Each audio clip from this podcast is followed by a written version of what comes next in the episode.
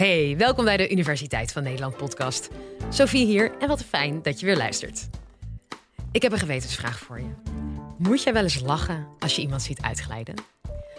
Dat heet leedvermaak en dat betekent dat je ervan geniet als het met iemand anders niet goed gaat. Maar vrees niet, want volgens de wetenschap betekent dat niet dat je een slecht mens bent. Vind ik zelf ook een hele kleine opluchting. En in deze aflevering vertelt leedvermaak-expert Wilco van Dijk waarom het lachen om een ander ook heel nuttig kan zijn. Geniet ervan. Live vanuit Club Air is dit de Universiteit van Nederland. De vraag die centraal staat in dit college is: waarom geniet je soms van het leed van een ander? Met andere woorden, waarom voel je leedvermaak? En wanneer voel je leedvermaak? Wat zegt dat over die ander die het leed ondergaat? Maar wat zegt het ook over jezelf, die zich kan vermaken met dat uh, leed? Maar laat ik beginnen met de vraag: wat is leedvermaak? In het woordenboek wordt leedvermaak omschreven als het verheugen in het leed van een ander. Maar het is belangrijk om bij leedvermaak na te denken dat je eigen rol daarin passief is. Om van leedvermaak te spreken, moet je het leed niet zelf veroorzaakt hebben. De dikke van Dalen noemt 1811 als de vroegste datering van het gebruik van het Nederlandse woord leedvermaak. Daarvoor werd in het Nederlands de term schadenfreude gebruikt. En leedvermaak is ook de rechtstreekse vertaling van het Duitse woord schadenfreude. Nou denkt u misschien, is leedvermaak dan iets typisch Duits? Nou, dat denk ik niet, want ik denk dat leedvermaak overal op de wereld voorkomt. Zo zijn er heel veel talen die een specifiek woord hebben voor leedvermaak. Het Nederlands dus, het Duits, maar ook het Deens, het Fins, het Hebreeuws, het Chinees en het Russisch. Er zijn echter ook heel veel talen die geen specifiek woord hebben voor leedvermaak. Bijvoorbeeld het Italiaans, of het Spaans, of het Japans. Nou, betekent dat nou, is dat mensen in die landen ook geen leedvermaak voelen? Of überhaupt het begrip leedvermaak niet kennen? Nou, dat denk ik niet. Want bijvoorbeeld in Japan heb je een gezegde dat luidt: Het ongeluk van anderen smaakt als honing. Met andere woorden, leedvermaak is lekker. En onderzoek heeft dat ook aangetoond. Hersenonderzoek heeft aangetoond dat wanneer mensen leedvermaak voelen, hun beloningscentrum in de hersenen wordt geactiveerd. En dat is hetzelfde deel van de hersenen dat geactiveerd wordt als we een cadeautje krijgen, als we seks hebben en als we drugs gebruiken. Leedvermaak is dus een beetje als een cadeautje, als drugs, alsof seks. Leedvermaak is lekker. En dan is het misschien ook niet verwonderlijk dat heel veel talen een gezegde hebben dat neerkomt op het volgende. Er is geen beter vermaak dan leedvermaak. Leedvermaak is dus lekker. Maar leedvermaak hoort eigenlijk niet. En dan is de vraag, waarom hebben we dan leedvermaak? We hebben leedvermaak omdat het leed van een ander ons iets oplevert. Leedvermaak is op de een of andere manier goed voor ons. Want emoties ervaren we niet zomaar. Emoties zijn belangenbehartigers. We ervaren emoties als er iets belangrijks voor ons op het spel staat. En je ervaart negatieve emoties als je belangen beschadigd wordt, worden of bedreigd worden. En je voelt een positieve emoties als je belangen behartigd worden. En leedvermaak is een positieve emotie. Leedvermaak voelt goed. Dat betekent dus dat er iets is in het leed van een ander wat goed is voor jouw belangen. En dan is de vraag, wat zijn die belangen dan? Wat levert het leed van een ander jou op? Nou, ten eerste kan het je een gevoel van rechtvaardigheid opleveren. Als mensen houden we van rechtvaardige situaties. Die vinden we fijn. En wat dat betreft zitten we redelijk simpel in elkaar.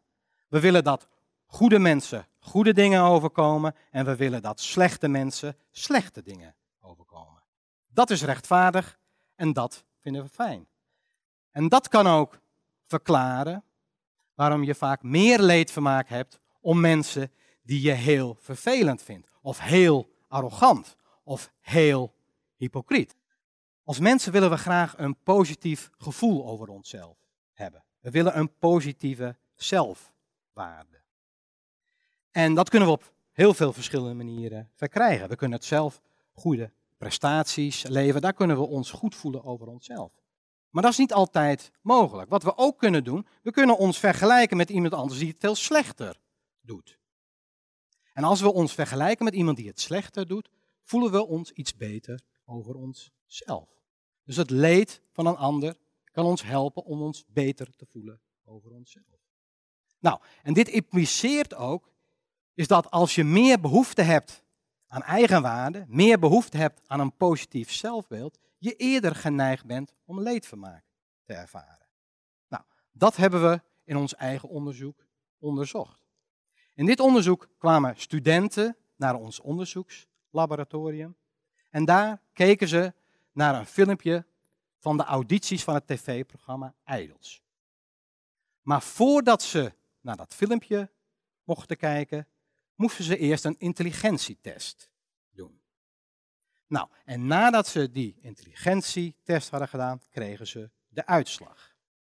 Nu vertelden we de helft van die studenten dat ze het heel goed hadden gedaan op die test. Nou, dat vinden onze studenten fijn om te horen. Dat geeft eigenlijk weer een meer positief zelfbeeld.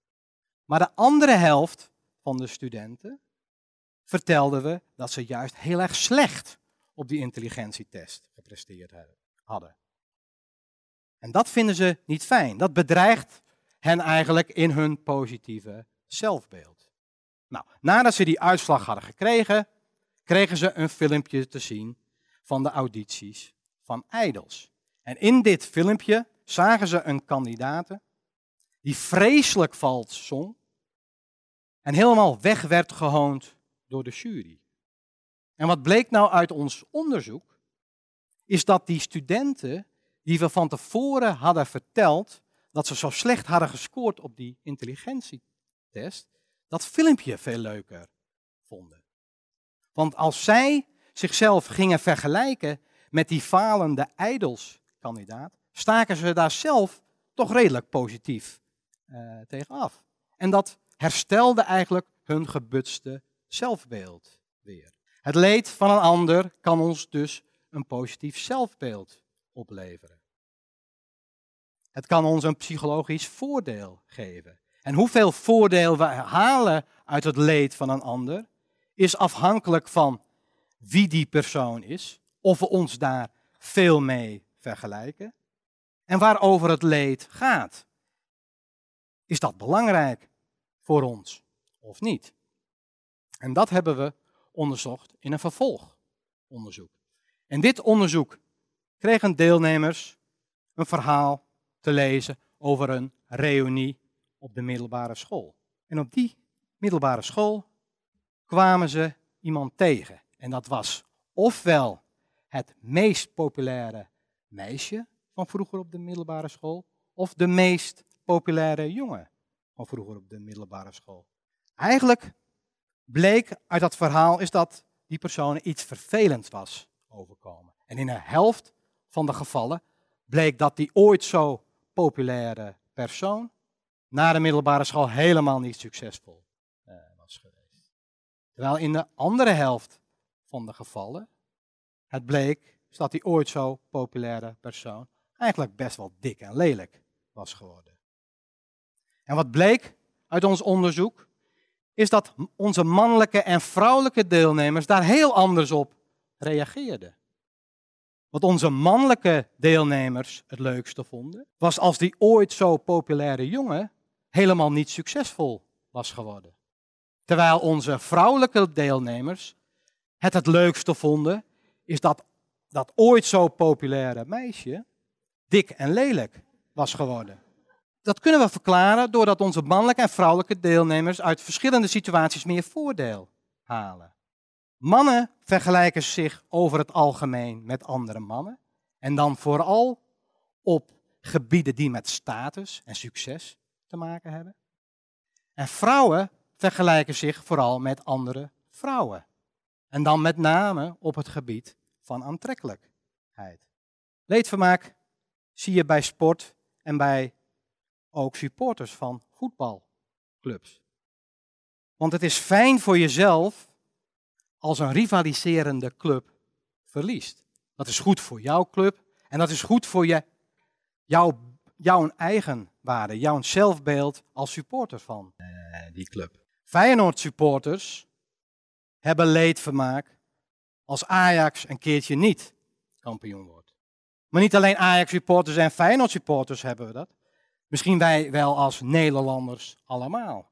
Van wat is er nou leuker als het Duitse voetbalelftaal een keertje verliest op een EK of een WK. En dat verklappen zelfs de kijkcijfers van de Nederlanders die kijken op de Duitse tv naar de wedstrijd tussen Duitsland en Spanje in de halve finale van het WK 2010.